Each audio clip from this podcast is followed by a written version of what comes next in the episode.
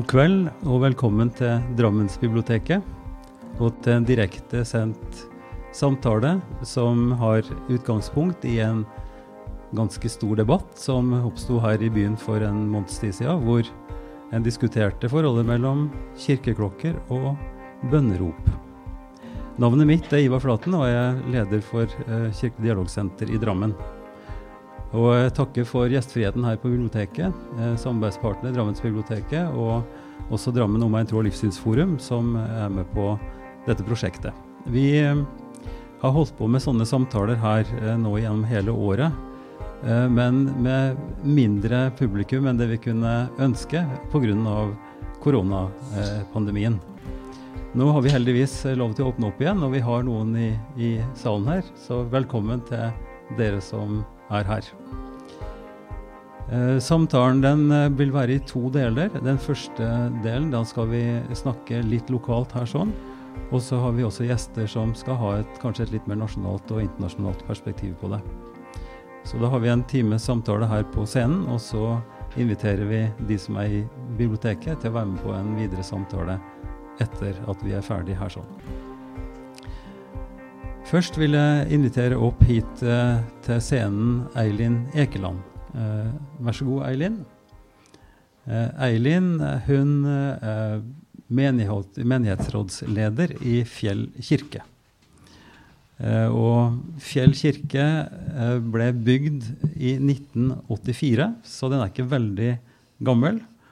Men eh, du har vært aktiv der, Eilin, helt fra starten av, ikke sant? Stort sett, eller nesten, da. Si litt om eh, din, din, forbindelse med, med, med, kirka. Ja, Vi flytta til Drammen, tilbake igjen til Drammen i 84 på høsten, og da var kirka akkurat uh, ferdig. Mm. Så siden det så har jeg vært uh, engasjert der. Men jeg kjenner jo litt til historien nå. Mm.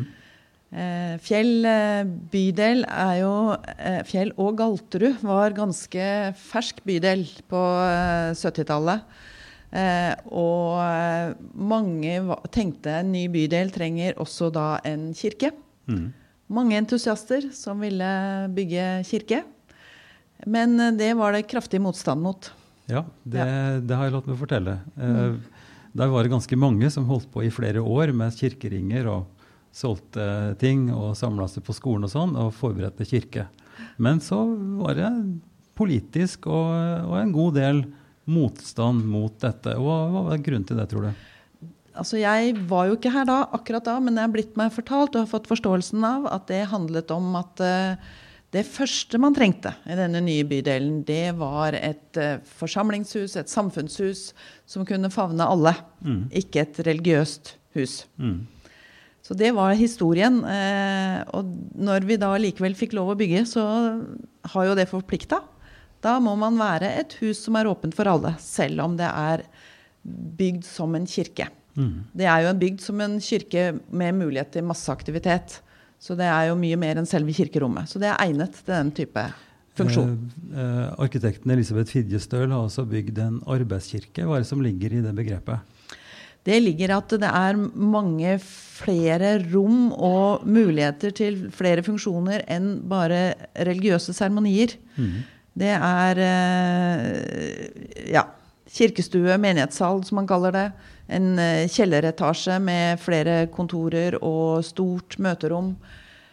Eh, selvfølgelig opptil flere kjøkken, så det er mm. godt mulig å lage mat og ha mange typer samvær der. Mm. Mm.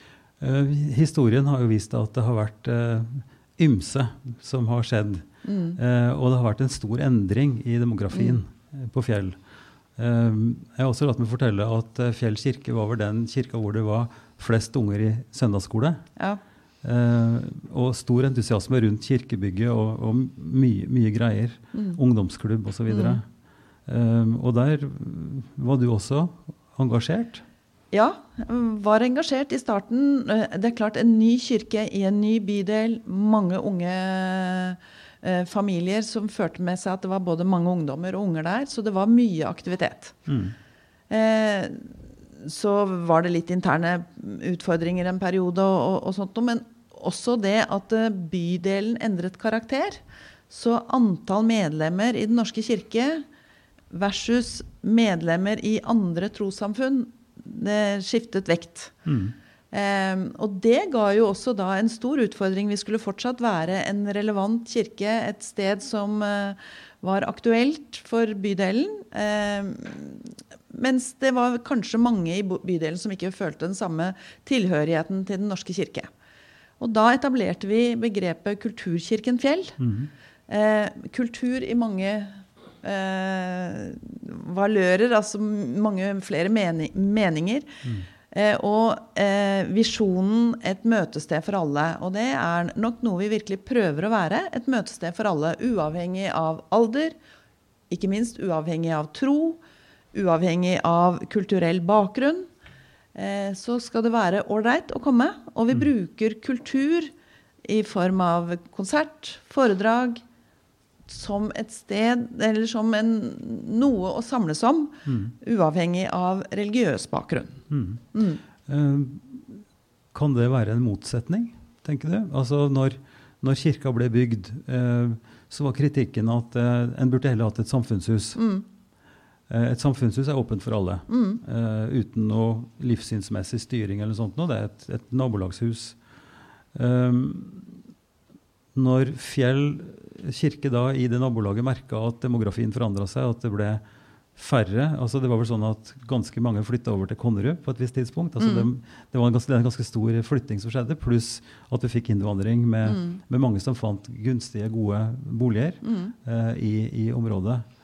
Um, I hvilken grad kan du si at, eh, at Fjell kirke, sånn som den nå har utvikla seg, eh, hva er forholdet mellom det å være en kristen menighet og ha gudstjenester og det å være et nabolagshus. Er, går det an å, å, si noe generelt om det?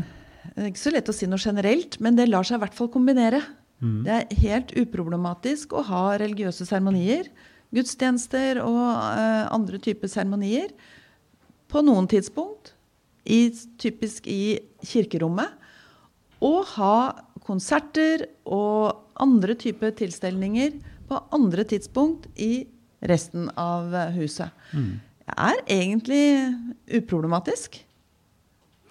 Eh, og det er også nokså nok mye utleie, ikke sant? Ja, vi leier ut til eh, barnebursdager og til bryllupsfester og til eh, konfirmasjonsselskap eller andre typer seremonier. Og det er leietakerne er fra alle mulige lag og ikke nødvendigvis medlemmer av Den norske kirke. Mm. Egentlig veldig mange som ikke er medlemmer av mm. Den norske kirke, som mm. leier. Ja. Mm. Eh, og den visjonen om at det skal være et møtested for alle, den har jo eh, prega de siste åra også på den måten at det har vært en utvikling i det med samarbeid ja. eh, med andre tro- og livssynssamfunn. Eh, og som nå har gjort at den også etablerte et dialogsenter mm. som har sete i kirka. Mm. Eh, hva er begrunnelsen for det? Når man er i kirke i en så multikulturell, multireligiøs, eh, sammensatt bydel, så må man ta på alvor den bydelen man er en del av. Og vi må bli kjent på tvers av tradisjonelle eh, mønstre og tradisjonelle kontakter. Eh, for å ha et godt sted å leve. At bydelen skal være et godt sted å leve, så må man være kjent. Mm. Og det, da er det naturlig og veldig viktig å også bli kjent med hverandres religion. Mm. Det er egentlig noen av mine kjepphester at hvis vi holder alt det religiøse innafor våre egne private hjem, eh, våre egne private, mer eller mindre, gudshus, så blir vi jo ikke kjent med hverandres religion. Og det blir en veldig, veldig privat sak. Um, det er veldig mye annet vi snakker om i det offentlige rom. Hvilket politisk parti man stemmer på, eller hvilket fotballag man heier på. Og det må også kunne få lov til å snakke og vise og delta og bli kjent i hverandres religion, som betyr mm. veldig mye for veldig mange, mm. og som ikke betyr så mye for andre. Eh, det er også slik at en har eh, lånt ut kirka til også til muslimske og buddhistiske, hinduistiske eh, sammenhenger. Mm. Eh, og grunnen til det nå, nå, er jeg også involvert i det, så jeg vet jo litt om at en, en skiller på hva som er et vigsla rom, og hva mm. som er rom som kan brukes til, til andre aktiviteter. Mm. Um, Og det, det, styrer vel også hvordan man bruker kirkerommet og de forskjellige rommene som kirka inneholder. Mm. Ikke sant? Um, så, så, det var jo nå i forbindelse med angrepet på, på moskeen, Al-Noor-moskeen, så skjedde det jo noe. Eh, kan du fortelle litt om det? Ja, Da var det eh, mange som var eh, redd for Det gjaldt vel særlig nabomoskeen, som er mer eller mindre nabohuset. Eh, var redd for å møte til fredagsbønn i sitt gudshus. Mm. Fordi det hadde vært et angrep mot andre, eh, et muslimsk gudshus et annet sted. Mm. Eh, og da åpna vi kirken og sa at dere kan ha fredagsbønn i kirka. Mm. Hvis det oppleves tryggere. Ikke i det vigsla rommet, men i eh, andre rom. Mm. Det opplevde vi relativt uproblematisk. Det, og det er jo et resultat av at de også er en del av det som den plakaten mm. bak her, altså Damene om meg tro livssynsforum, og at vi har kjent hverandre gjennom mange år og ønsker å bygge nettopp en, mm. en, god relasjon som gjør at vi kan ha en, den type eh, skal vi si, solidarisk hjelp da, når det trengs. Mm. Eh, men hva gjorde nyhetene for en måneds tid siden med den tanken? Syns du det var problematisk? Det at de foreslo eh, å skulle eh, starte med bønnerop på samme ja. måte som din kirke og vår kirke bruker klokker. Hvordan reagerte du på det? Jeg reagerte på ja, Helt sånn grunnleggende Hva er problemet med det? Det er jeg er litt Kanskje er jeg om jeg er naiv? Nei, jeg vet ikke om det er det jeg er. Men jeg tenker at eh, hvis, hvis det er viktig for eh, en annen religiøs forsamling, uansett hvilken, eh, å ha et lite signal og, og, og, og ha et bønnerop og ringe med klokker, et eller annet som ikke forstyrrer voldsomt i det offentlige rom, hva er problemet med det? Jeg greier faktisk ikke å se at det er noe problem. Eh, og det var det jeg uttalte meg for avisen også. at Hva er egentlig problemet? Og så tok jeg selvfølgelig et lite forbehold om Jeg visste ikke hvor høyt det skulle være. Men det jeg fikk høre, var jo at det var snakket om noen minutter en gang i uka. Ja, jeg greide ikke å se. Har du fått noen reaksjoner på det? Ja. Det er ikke alle som er enig med meg. Noen syns at det er et, eh, at ringing med klokker fra Den norske kirke det er noe annet enn bønnerop fra en eh, muslimsk moské. Mm. Og det kan godt hende det er. Jeg er ikke veldig avansert teolog. Jeg er litt mer sånn alminnelig menneske. Eh, og, og, og, har ikke gått inn i dybden på hva det er uttrykk for. For meg er det en uttrykk for å si at her skjer det noe. Mm. Velkommen inn. Mm. Ikke bare at det skjer noe, men det er jo, en, det er jo et, et, et, kall til bønn. Mm. På samme måte som når klokken ringer i Fjell kirke. Eh, jeg tok med bryet med å sjekke hva som står på de klokkene. Eh, eh, for det, Vi kan snakke mer om klokker og sånn seinere, men, men, der står det også inngravert på den ene eh, så står det 'I dag er nådens tid'. Og på den andre, den store, så står det 'I dag er Gud å finne'. Mm. Eh, rett og slett, ikke sant? Den brukes eh, tre ganger før gudstjenesten. Eh, for å signalisere at nå skjer det noe i kirka. Eh, og det har også en liturgisk funksjon, slik at det, det ringes med klokka midt i gudstjenesten. Mm. Det er mer eller mindre irritasjon vil jeg tro, ja. for de som har lyst til å sove lenge på søndagen. Ja. ja. Vi har jo fått noen signaler på at noen syns det er litt irriterende med de klokkeringene. Og hvorfor må de begynne allerede klokka ti da, ja. på søndag? Mm.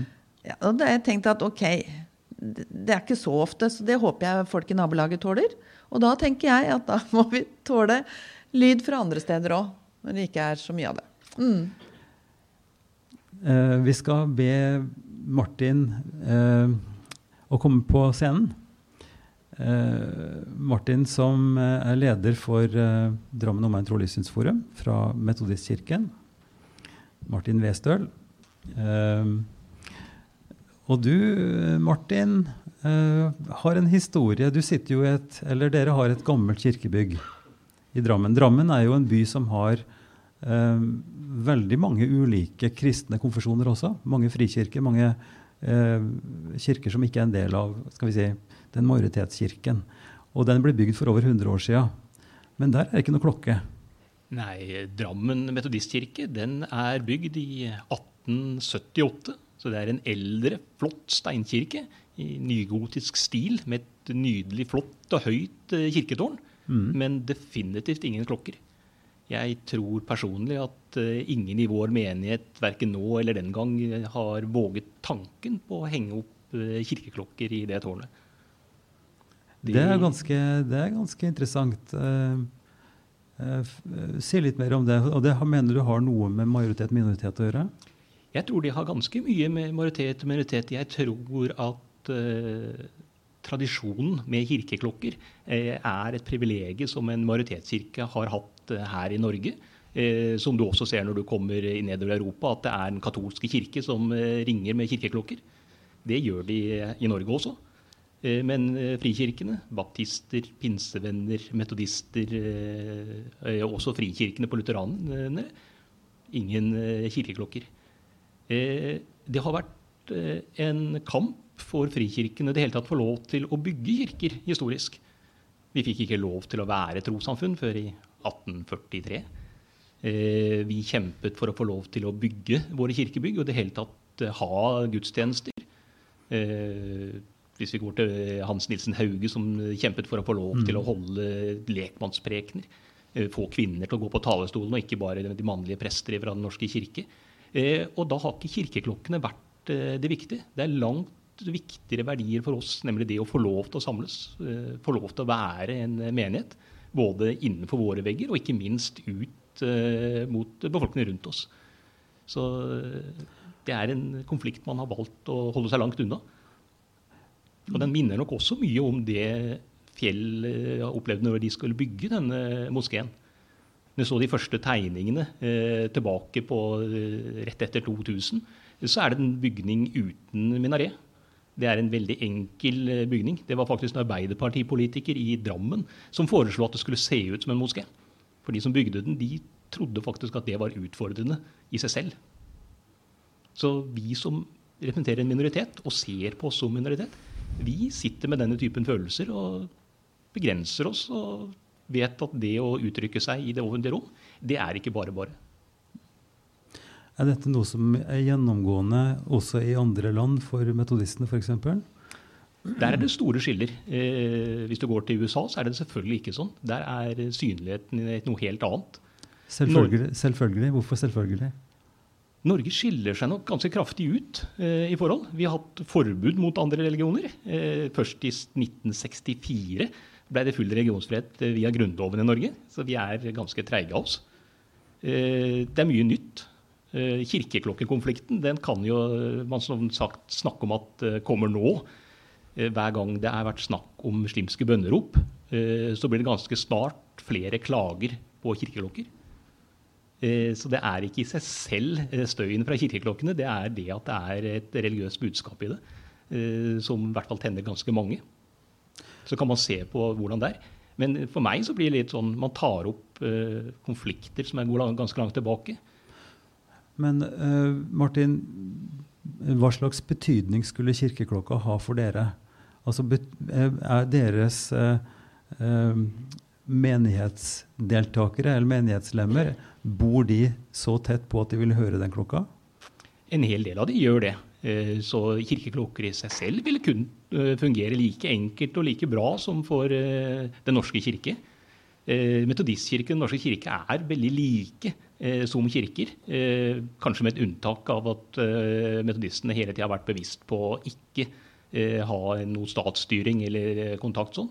Men vi har eh, nådens fellesskap, altså skriftlig avtale med Norske kirke, som gjør at vi kan bytte prester. Vi anerkjenner hverandre. Metodistprester jobber i Den norske kirke og mm. omvendt. Så vi er veldig like.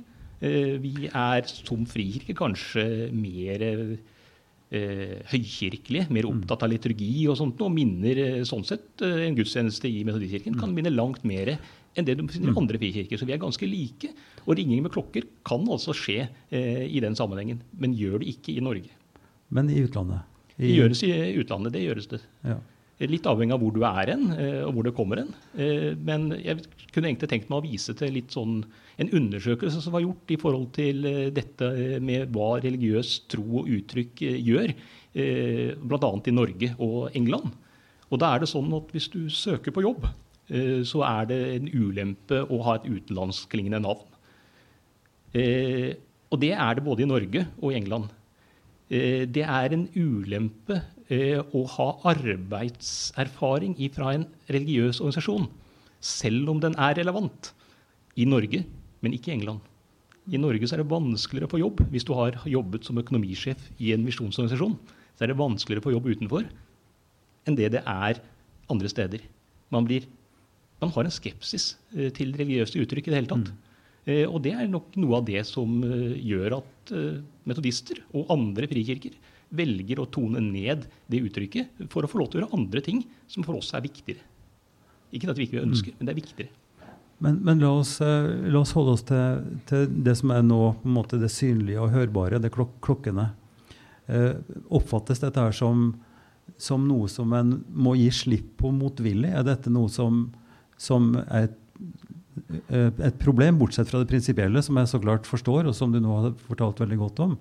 Er dette noe som en savner som en del av det å skulle feire gudstjenesten? Har den en, en religiøs betydning, klokkeklangen? Jeg tror ikke det er et savn, for tanken aldri har vært der at det er en mulighet. Så jeg tror ikke det er noe savn i, i denne sammenheng. Det er ikke en diskusjonstema eh, på noe som helst vis. Det har aldri vært det. Mm. Eh, det har vært en del av den virkeligheten eh, vi lever under. Så nei, jeg vil påstå at det ikke er et problem, og at det ikke er et savn. Hvis vi tenker tilbake igjen til fjellet, hva slags eh, betydning har klokkene for, for de som kommer til kirke? Tror du? Altså, Hvor mange er det som kommer dit for at Oi, nå ringer klokkene, nå må vi gå. De fleste har nok forberedt seg litt før klokkene ringer.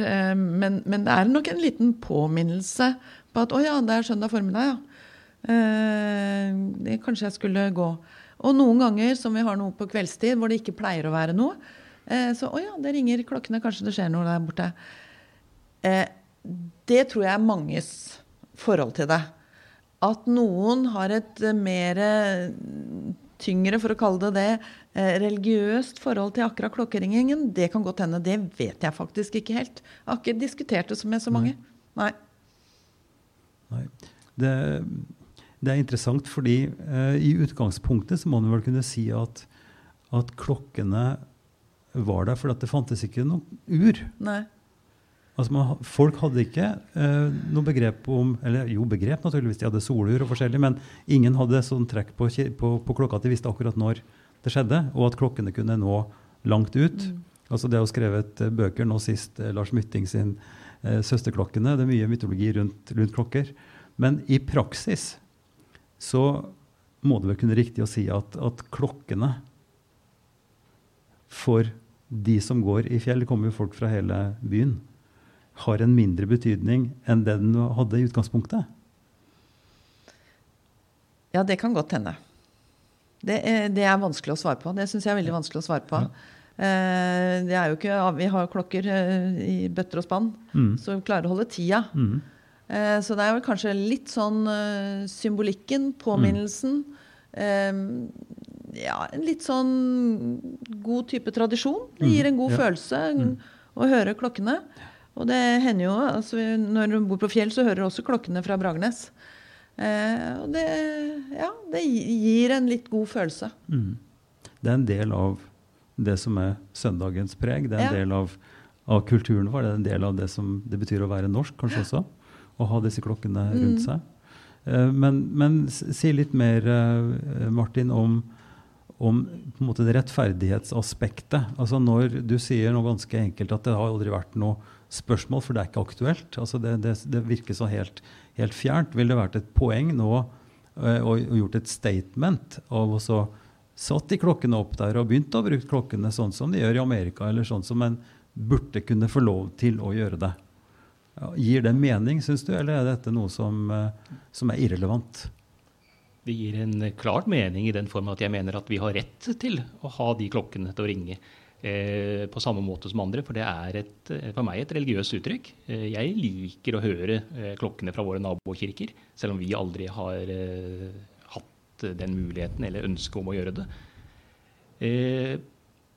Men da kan en ikke skille mellom bønnerop eller andre former for uttrykk. Ja, Den norske kirke har ringt med klokke lenge. Ja, det har vært kirkeklokker i, i Norge over veldig mange år. Men hvis du går tilbake, så er det jo historisk ikke noe veldig stort grunnlag for det. Du har 300 år der vi de første 300 åra etter Jesu fødsel, der det ikke var kirker og det ikke var noen kirkeklokker. I 313, når Konstantin gjorde kristendommen lovlig, så bygde man kirker, men ingen kirkeklokker. Kirkeklokkene var der faktisk ikke fordi de ble sett på som hedenske. Eh, rundt 400 så kom det mm. klokker til fra Nord-Afrika. Mm. Kall det kulturell approbasjon. Mm. Eh, og man begynte å ringe i dem. Og 605 eh, så var paven og sa det at man skulle ringe til bønn i klostrene. Mm. Eh, konflikten rundt kirkeklokker har vært saftig tidligere.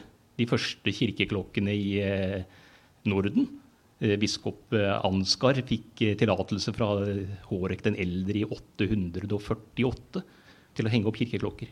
Men det var krangel i 17 år før de ringte, for folk ville ikke ha de. Så det er ikke første gang. Mm. Så for oss, ja, de kunne ringe. Men nå så ville det nok oppfattes mest som en provokasjon av de rundt oss. Og det ønsker vi ikke. Nei. For vi ønsker å kunne virke i det samfunnet vi er en del av, på en best mulig og mest mulig positiv måte. Og da tror ikke jeg at for oss at de kirkeklokkene ville gitt noe positivt. Og det var jo litt av det når jeg så uh, moskeen på Fjell uh, annonserte at de ville. Så tenkte jeg å nei, nå får de mye mer dritt enn det de fortjener. Mm. Og det de tror de kommer til å få. For de er ikke selv klar over hva de stikker fingrene sine ned i. For det er krutt i religiøse uttrykk i det, i det offentlige rom, eh, innvandrere og muslimer, da eksploderer det.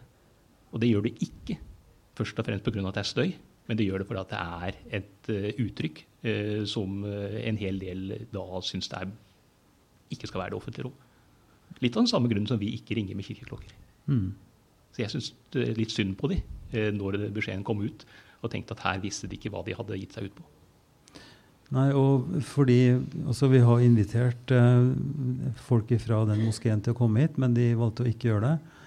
Men eh, vi kjenner jo også til at, eh, at de tegningene som ble laga først av den moskeen, eh, var tegna av en norsk arkitekt, og det hadde et, et altså, for å si det sånn, et nokså norsk preg, da, men, men likevel med moskeens eh, attributter, også med, et, med en minaret.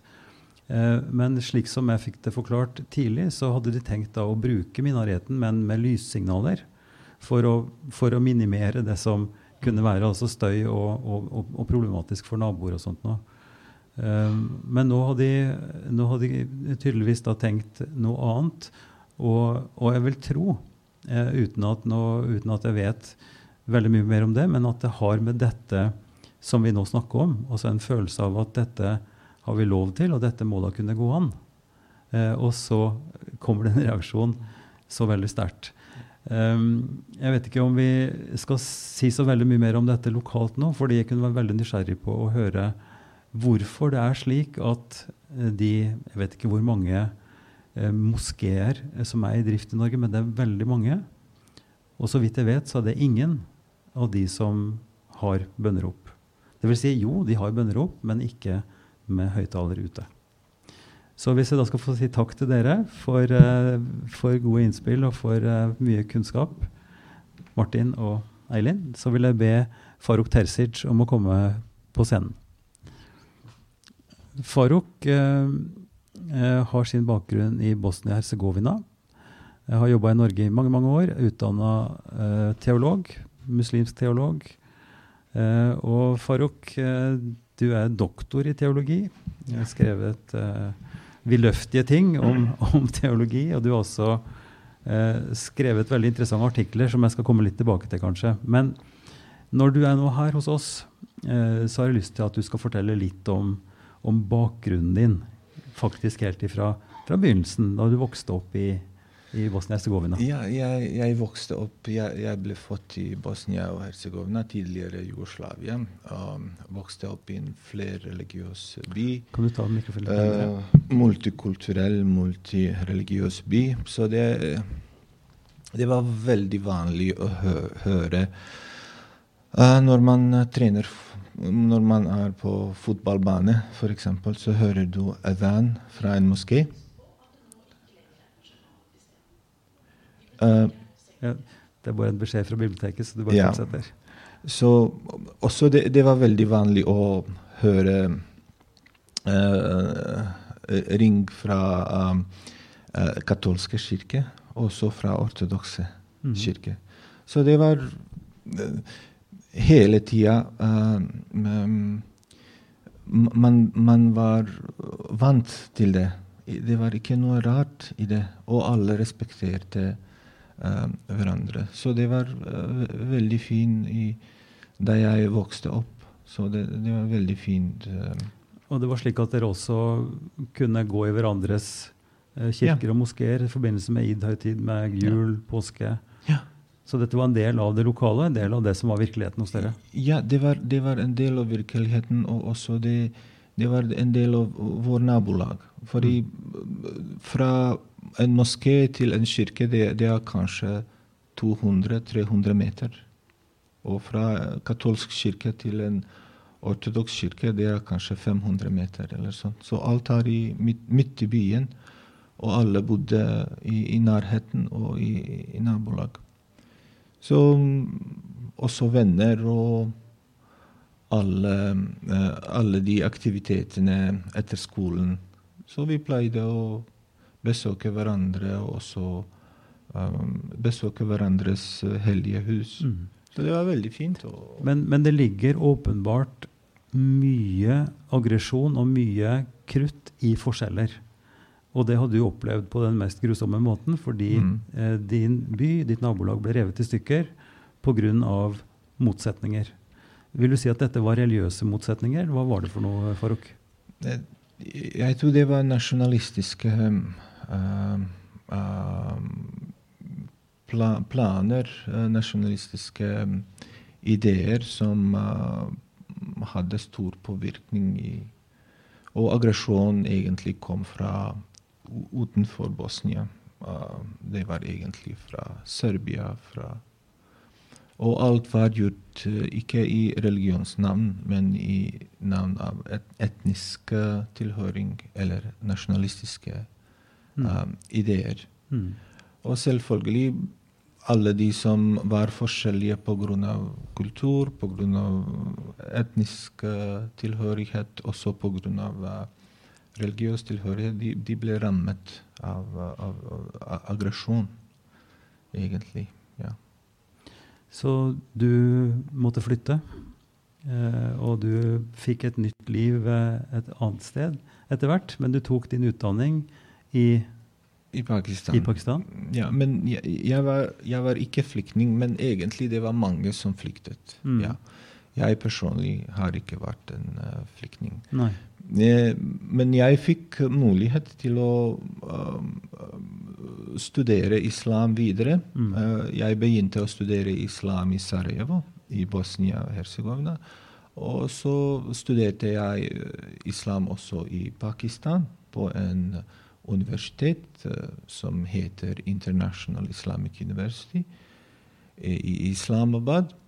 så det var veldig fin mulighet til å utdype uh, kunnskap om islam og se forskjellige tolkninger mm. og interpretasjoner mm. uh, av, av, av, islam. Også praksisen. Mm. Fordi det er forskjellige kulturer, kultur der, og det er forskjellige etnisiteter og forskjellige tilnærminger. Uh, og så har du gjort tjeneste og gjør tjeneste som imam i, i islamske fellesskapet i Bosnia-Hercegovina. Eh, og nå har du vært, flere år, du har vært flere år i Islamsk Råd Norge. Mm. Men så er det nå en deling der, slik at du har Islamsk Råd Norge og Muslimsk dialognettverk. Mm. Og i det nettverket så har du tittel som leder for en veldig interessant komité, som heter Komité for forskning og rådgivning. Ja. Hva er det for noe, eh, Farouk? Det, det, er masse spørsmål som uh, kommer opp til oss, uh, også imamer og de som er um, engasjert i forskjellige moskeer. Og det er nye utfordringer, fordi dynamikken av, av livet er veldig fort og forskjellig og kompleks. Så det er alltid noe nytt å tenke på og lese eller å forske på. Mm. Uh, vi imamer vi har ikke klare løsninger for alt. Vi må også lese, vi må også utdanne men, men det har vi, det har vi prester. Vi vet alt. Ja, noen, noen, også tenker at imamer vet alt, og med en gang de kan gi svar. Men det, det, det er Når man begynner å lese, egentlig, så det, Man utvikler den følelse av ydmykhet foran utfordringer, foran folk, foran uh, kunnskap. Så det, det, er veldig viktig å, å, å være ydmyk og prøve å forstå. Mm -hmm. Og prøve å finne løsninger som kan hjelpe folk, som kan um, lage livet litt uh, enklere og finere og med varmen. Mm. Og så alle disse tingene er veldig viktige for ja. alle mennesker. Nettopp. Men kan ikke du nå et øyeblikk tenke at du er lærer? Og at du er lærer på et veldig lavt nivå, og så skal du forklare meg og oss hva handler egentlig bønnerop om? Hva, hva har det med religion og med praksisen å gjøre? Og bønnerop er egentlig vi, vi, muslimer i islam vi har fem bønn uh, per, per, dag. Mm -hmm. Som um, vi stort sett vil be sammen i, i et gudshus, i, i en moské. Um, så å, å, å annonsere at det er en ny tid, f.eks at det er klokka tolv, eller at det er klokka fire, eller at det er klokka seks. Så det er en adhan, bønnerop fra, fra moské, å minne folk om Gud, og å minne folk at tiden har kommet til en Det er en annen tid på, på, på dagens tid, og at de som har mulighet til å komme, kan komme og be sammen. Så egentlig det er som en um, um, rop til bønn. Mm -hmm. og, og, at en, den uh, gir uh, uh, Ikke sant at, at, at, det er ny tid. F.eks. vi har bønn som er La oss si nå klokka seks. Ja, og vi har en bønn som er klokka tolv. Vi har en bønn som er klokka fire, klokka fem og klokka syv, f.eks. I, i vintertid. Så alle disse tidene, deler av dagen, har spiritualitet. De har en uh, forskjellig uh, spiritualitet som vi bruker til å, til å be. Mm. Og bønn tar kanskje 10 minutter eller 15 minutter, og det er veldig uh, veldig kort, kan jeg si. Og så adhan tar kanskje tre til fem minutter. Det vil si den oppfordringen til å be? Oppfordring til å be, mm -hmm. ja. Eller, eller, ja.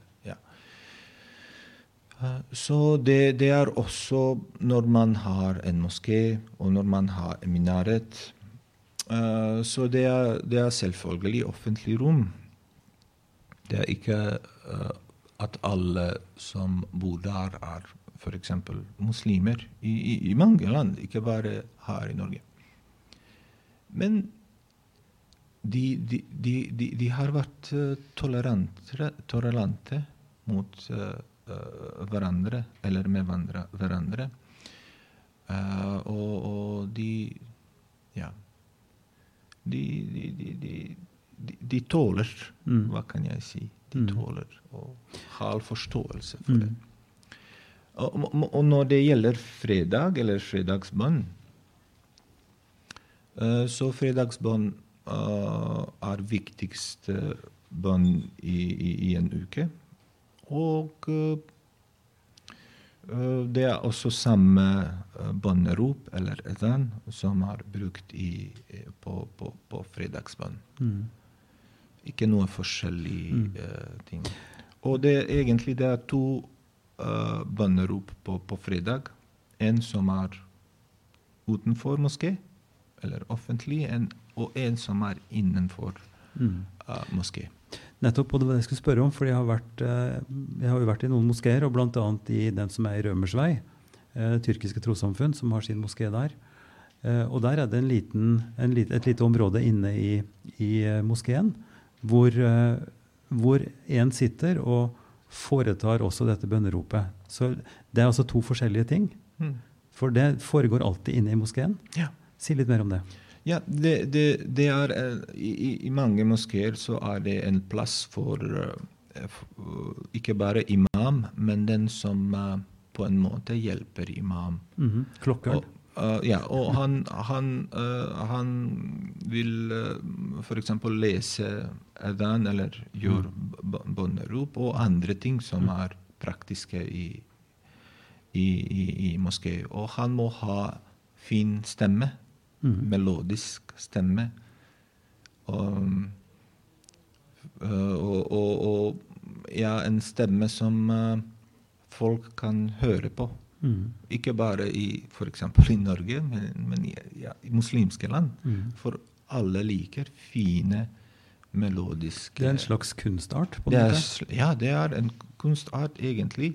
Mm. Og folk er utdannet for det. Mm. Og de markante, fine, store moskeer i, i, i, hele verden egentlig har krav på at de som, uh, utgjør, de som gjør bønnerop, er egentlig uh, har egentlig fin stemme og kan forstå musikk. Mm. Og så kan forstå dynamikken. Når man våkner opp, ikke sant, så man trenger en, en slags stemme. Eller når man er sliten og kommer fra jobb, så det er en annen type mm. stemme. ikke sant? Og når barna skal sove, ikke okay, sant? Okay. så det er en annen type stemme. Men, eh, men forklar meg, forklar meg uh, Farouk, det fenomen uh, som vi nå har blitt klar over, og som vi forstår at i Norge jeg vet ikke, er det så mange som, jeg vet ikke hvor mange hundre eller kanskje tusen steder er det muslimer ber i Norge. Ja, mange steder. Jeg, jeg, jeg, det er ikke oversikt, men det er mange steder hvor, hvor ja. muslimer Og hvor, Hvordan kan det ha seg at så vidt vi vet, så er det ingen av disse som har en sånn ytre Eh, bønnerop. Ja. Alle har det åpenbart inne, ja. men, men, ikke ute. Eh, gi oss en god forklaring på måten. Er det nesten sånn som Martin snakker om, at man ikke vil at man føler at man ikke kan gjøre det fordi det blir så ubehagelig eller negativt? Da jeg kom til Norge i 2009 uh, jeg, jeg, var overrasket at det var ikke, ikke noe bønnerop i, i Norge. Så jeg begynte å snakke og spørre, stille spørsmål. Hvorfor er det sånn? Uh, og det var enighet uh, i, av moskeer at de, de vil ikke uh, gjøre bønnerop offentlig mm -hmm. i et offentlig sted. Um, kanskje samfunnet trenger litt mer forståelse for islam. litt mer forståelse for muslimer og um, kanskje noen kan oppleve det som provokasjon eller noe, noe nytt. Eller Ja. Så folk uh, Jeg tror folk bare tenk, tenkte at nei, de som skal komme til moské, de skal komme uansett. Og de vet hva tidene er. Uh, så de, de, trenger ikke kanskje bannerop. Bare å være en, på en En del av samfunnet hvor kanskje noen vil oppleve at muslimer vil annonsere om islam eller sånn gjennom bønnerop. Men de trenger ikke den typen oppmerksomhet. Fordi når man kommer til moské, så man kommer pga. ro, pga. fred, pga.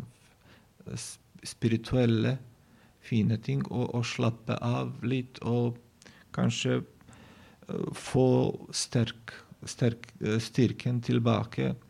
Få, få litt motivasjon for livet og, og, være litt bedre mennesker. Og, og, og disse, uh, i disse tidene man trenger ikke oppmerksomhet, at noen ser på ham eller stiller spørsmål 'Hvor skal du?' eller sånn. ikke sant? Så det er eh, det, det, det, å være muslim ikke sant? og det å gå til moské, det er en uh, spirituell, uh, dypt religiøs uh, sak hvor folk søker fred og søker så Ikke noe oppmerksomhet.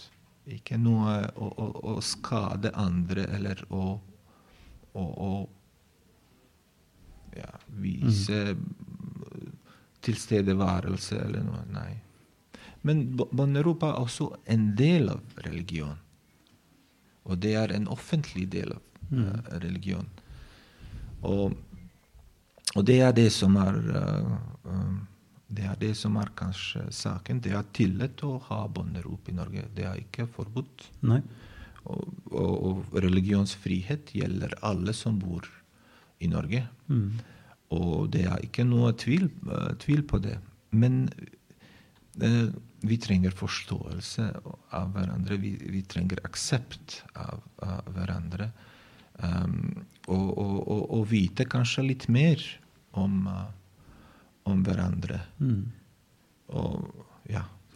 Men i hvilke sammenhenger og på, i hvilket perspektiv går det an å tenke seg at, eh, at en kunne oppnå en tilsvarende aksept og erfaring som du opplevde i din, eh, i din fødeby? For dette var jo etablert der over flere hundre år, åpenbart. Det ble revet i stykker, og det er ikke sånn lenger nå. Men, men dette var noe som Hvordan kan man tenke seg at det kan, kan skje i, i et land som Norge? Er det, er det realisme i det? Se, Norge er eh, et fantastisk land. Og folk har utdannet, og folk er veldig tolerant. Og de, eh, de, har, de har åpnet deres hjem for andre mennesker. Og den er stor verdi. Og eh, eh, Men ting tar tid. Det, det er ikke sånn at uh, ti, uh, ting utvikler seg med, med, med en gang. Det, det, tar tid. Det som vi kanskje burde fokusere på, er samarbeid og samliv og mye dialog og forståelse. Og det, det, er det som er viktigst. Og det er det som vi burde fokusere på. Mm.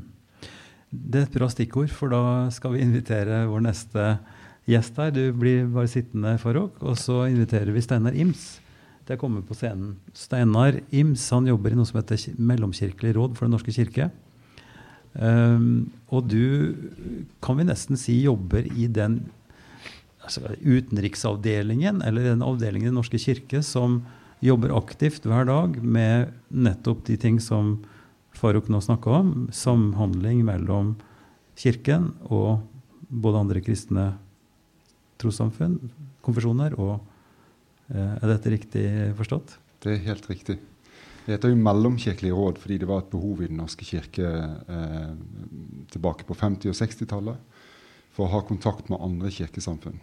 Skjønte at det var et særlig fokus. Og etter hvert så har det også blitt et behov for å ha eh, noen som jobber dedikert med kontakt med andre tros- og livssynssamfunn også. Så kall det et utenriksdepartement. det kan du.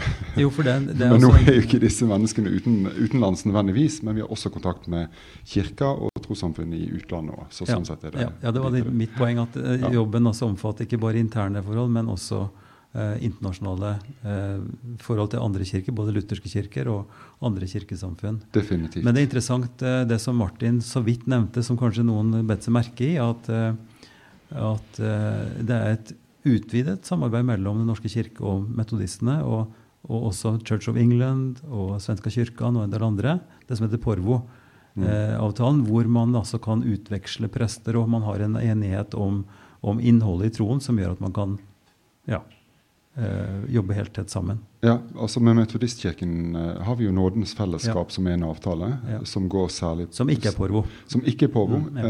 eh, men så har vi også Porvo-samarbeidet, Mm. som, eh, som ble underskrevet og signert i Nidarosdomen tilbake i 1997.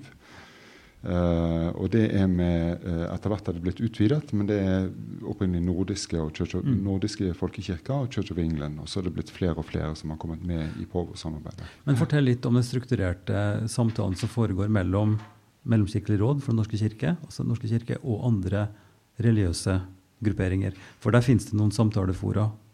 Det gjør det. Uh, altså I dag uh, Jeg er altså den norske kirke, en av Den norske kirkes to representanter i Samarbeidsrådet for tros- og livssynssamfunn, som samler 15 uh, eh, medlemmer. Noen paraplyorganisasjoner som omfatter flere, som FAOK representerer med Muslimsk dialognettverk. Og enkelttrossamfunn. Så der er jeg med i styret fra Den norske kirke. Så det, Der har jeg vært i møte i dag, og det er et veldig viktig fora, uh, som er 25 år i år. Men uh, dialogen har jo gått lenger tilbake, og vi har også det vi kaller bilateral dialog, altså mellom oss og en annen gruppering, i tillegg til multilaterale dialoger. Uh, men den eldste dialogen vi har, det er den som går tilbake igjen til uh, 93 ca. Som var en dialogkontaktgruppe, kalte vi det, med uh, Islamsk Råd Norge. Mm. Men så har vi også hatt, ha, eller vi har en kontaktgruppe med Buddhistforbundet. Som både er et trossamfunn, men som også er en paraplyorganisasjon for flere buddhistiske menigheter. Og så har vi en kontaktgruppe med Muslimsk dialogforum, nettverk. Uh, og så har vi hatt en kontaktgruppe med uh, Det mosaiske trossamfunn, som har vært litt omtalt i media, fordi den har vært til dels vanskelig også.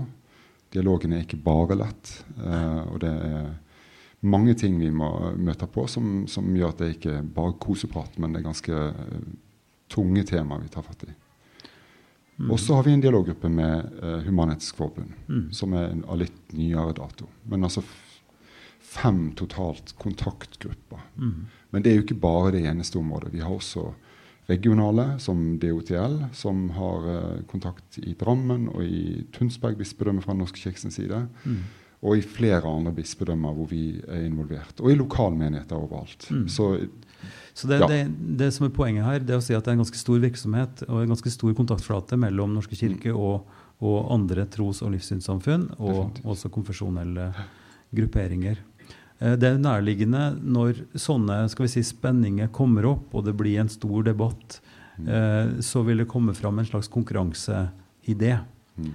At her, her, handler det om å vise domenet og holde makta og vise at vi er størst, at vi har vært der lengst. Alt det som ligger i, i en, en, tradisjonell majoritetskirke. Eh, eh og hvor både sånn som Martin fortalte det, men med metodistene som er forsiktige fordi de opplever at de vil de, de, vil skape motsetning ved å prøve å yppe seg, liksom, og, mm. og, og, komme der. Og litt det samme har vi vel også opplevd her i byen, med, med det utspillet som kommer fra, fra Drammen Jamia Moské, at de, at de får fryktelig mye motbør fordi at det oppfattes som en At de skal liksom eh, komme og, og, gjøre seg gjeldende som en slags motkraft. Mm. Hva, te, hva, tenker du om en sånn eh, tanke? Det er eh, Um, ja, altså for Dette går jo inn i majoritets- og minoritetsperspektivet. ikke sant? Og vi uh, i Den norske kirke representerer definitivt majoriteten. Og fremdeles. 69% av den norske befolkningen er medlemmer av Den norske kirke. Og selv om du kommer til Oslo og det er mindre tall, ned mot 50 og kanskje under 50 så er det fremdeles majoritet. Um, selvfølgelig vil det være en del ting i dette. Og det dreier seg både om posisjon i samfunnet, om makt, om penger, om uh, sensitivitet på hvilken rolle vi har, osv. Uh, eh, og vi, det er jo et større vi. Det er 69% av den norske befolkning mer eller mindre bevisst på den tilhørigheten. Um, så er det mange ting som er veldig spennende med norsk virkelighet.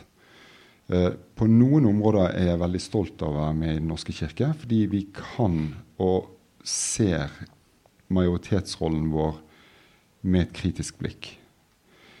Det kommer ikke av seg selv. Eh, Martin nevnte Hans Nilsen Hauge, eh, som har preget det norske samfunn på en fantastisk måte, og som var en del av Den norske kirke, men som også kritiserte oss da, som teologer og prester og som tidligere embetsmenn og den maktposisjonen vi hadde, og definisjonsmakten vi hadde.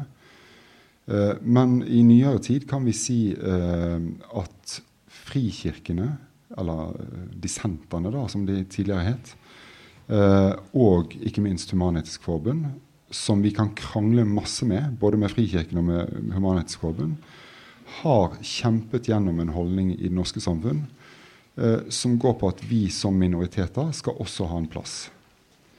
Uh, og det tror jeg kostet enormt mye. Og så har det kanskje ikke alltid vært så lett å snakke med Den norske kirke om akkurat dette. Men så håper jeg og tror jeg at vi iallfall over årene, pga. deres kamp, så har vi kommet til et sted hvor, hvor jeg tror vi er blitt mer lydhøre. Og også at vi er blitt mer klar over at vi har hatt en rolle som kan være veldig problematisk uh, fordi vi har hatt så stor definisjonsmakt.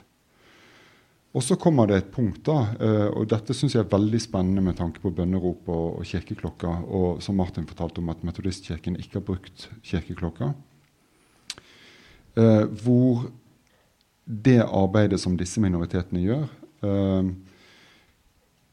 går til et visst punkt, og så har minoritetene det jeg vil kalle en minoritetssensitivitet, som er beundringsverdig, og som jeg eh, nesten tenker er kanskje for mye av det gode. Eh, altså at det, det, er en tilbakeholdenhet som, som er eh, som jeg beundrer veldig, veldig mye. Fordi de balanserer, og skjønner selvfølgelig fordi de vil slå tilbake, sånn som det har skjedd til dels her i Drammen, ikke sant, når det var snakk om bønnerop. Um, så her er det mange ting, og det er en kjempespennende samtale som vi løfter opp her. Fordi det er så mange elementer i dette som er, som er krevende både for majoriteten, men også for minoritetene, ikke minst. Mm. Hvis en skulle anvende et sånt eh, et rettferdighetsprinsipp da, og, og, og, likeverdsprinsipp, så burde det være ganske enkelt. Og det er kanskje det som gjør at mm. grunnrefleksen hos de fleste, eller veldig mange, i hvert fall har jeg sett i Den norske kirke, både fra biskophold og fra fra ledelsen også i Mellomkirkelig råd, som sier at ja, men dette, dette må være greit. Eh, og Eilind, som satt der nettopp også, mm. eh, har jo den samme følelsen at dette, er dette et problem? Men det er åpenbart, det er åpenbart et, et problem. Mm. Eh, og at det har med både følelser å gjøre, det har med en, en fornemmelse av at det, nettopp den konkurransen og følelsen av at nå skal noe bli tatt fra oss. Eh, og det er en det er en veldig vanskelig, vanskelig, følelse og en vanskelig situasjon. Eh, fordi nettopp en, en, en, åpenbar slags rettferdighetsidé plutselig kolliderer med noen helt andre ting. Som gjør at det blir logisk å tenke sånn som Martin og de gjør. Og som Farouk og dere gjør, og de fleste moskeene gjør. At man, man, slår ikke hånda i bordet, neven i bordet og sier men dette har vi lov til, og dette skal vi. Men, men, men har den sensitiviteten som som fører til den tilbakeholdenheten. Og, og, jeg spurte jo Farouk her om når er det sannsynlig at det vil være romslig eller føles som OK, eller, eller være en slags balanse i dette. Eh, vil vi se en sånn utvikling, eller vil vi se det motsatte? Altså at, at, religiøse uttrykk, altså i et sekulært samfunn hvor alle skal leve jevnbyrdig, vil det være mer logisk, sånn som, eh, som, som Hedalen Eh, i Humanitisk Forbund, tidligere formann, sa ja, men la oss kutte kirkeklokken nå, så er vi ferdig med det. Det er enten eller. Enten så, så, er det liksom ingenting, eller så må man kunne åpne opp for at man hører flere stemmer. og, og sånt noe. Hva, hva, tenker Du ja, du har snart Farok, så du, må, du, kan si Når du hører Steinar her, har du noe, noe, noe, mer du har lyst til å si? Ja, det, det, det, det, som Steinar uh, sier, er um, det, ser logisk ut. og og veldig, uh, veldig fint at de som er majoritet, passer på de som er minoritet. Og det, det er egentlig styrke, og det er egentlig verdi. Og det er um, noe som uh, alle, alle, har respekt for. Det, det, det, å være sterk er også ansvar. Det å være majoritet er også ansvar. Fordi de svake og de som er i mindretall, eller de som er forskjellige Noen må beskytte dem også. Og de må ha et plass, og de må føle seg trygge. Fordi de er mennesker. Vi er alle mennesker. Det, det, kanskje vi glemmer noen, noen ganger. Det å være lukket i majoritet-minoritet-perspektiv er veldig vanskelig plutselig noen sier til deg at du er minoritet, eh, eller at du, du, du har ikke samme rettigheter. Ikke Egentlig du har, men ikke, ikke praktisk. Ja. Ikke Så tenk på de, de, de, de som vokser opp i, i, Norge her. Tenk på dem. Uh, uh, jeg tror det er veldig viktig å tenke på den menneskeligheten perspektiv. Mm. At alle er mennesker. Vi har forskjellige religioner. Mm. Kanskje vi kommer fra forskjellige steder. Kanskje vi har litt annerledes kultur. Eh, men kan vi lage et plass Hele jorda er sånn. Vi, mm. vi er på et eh, sted sammen med mm. hele mm. menneskeheten. Har vi plass for andre og for de som er, uh, for de som er forskjellige? Det, mm. det, er veldig, veldig viktig. Ja. Jeg, tror vi, jeg tror vi rett og slett må runde av med disse kloke ordene dine, Farouk. Og jeg vil også vise til en artikkel som du skrev for noen år tilbake, hvor du ser på språket i i, i, de samtalene og dialogene som har vært mellom de ulike trossamfunnene, hvor du konkluderer med at, at, språket tenderer veldig mot det skal vi si, det allmenne menneskerettighetslige språket. Hvor man snakker kanskje med religiøse termer internt i sine egne forhold, mm. men når man snakker sammen, så snakker man et felles eh, språk. Så jeg skal legge ut den lenken også sammen med, med denne, med denne podkasten og dette som nå blir lagt ut på hjemmesidene våre. Jeg vil takke dere to så mye for refleksjon og for eh, innsikt.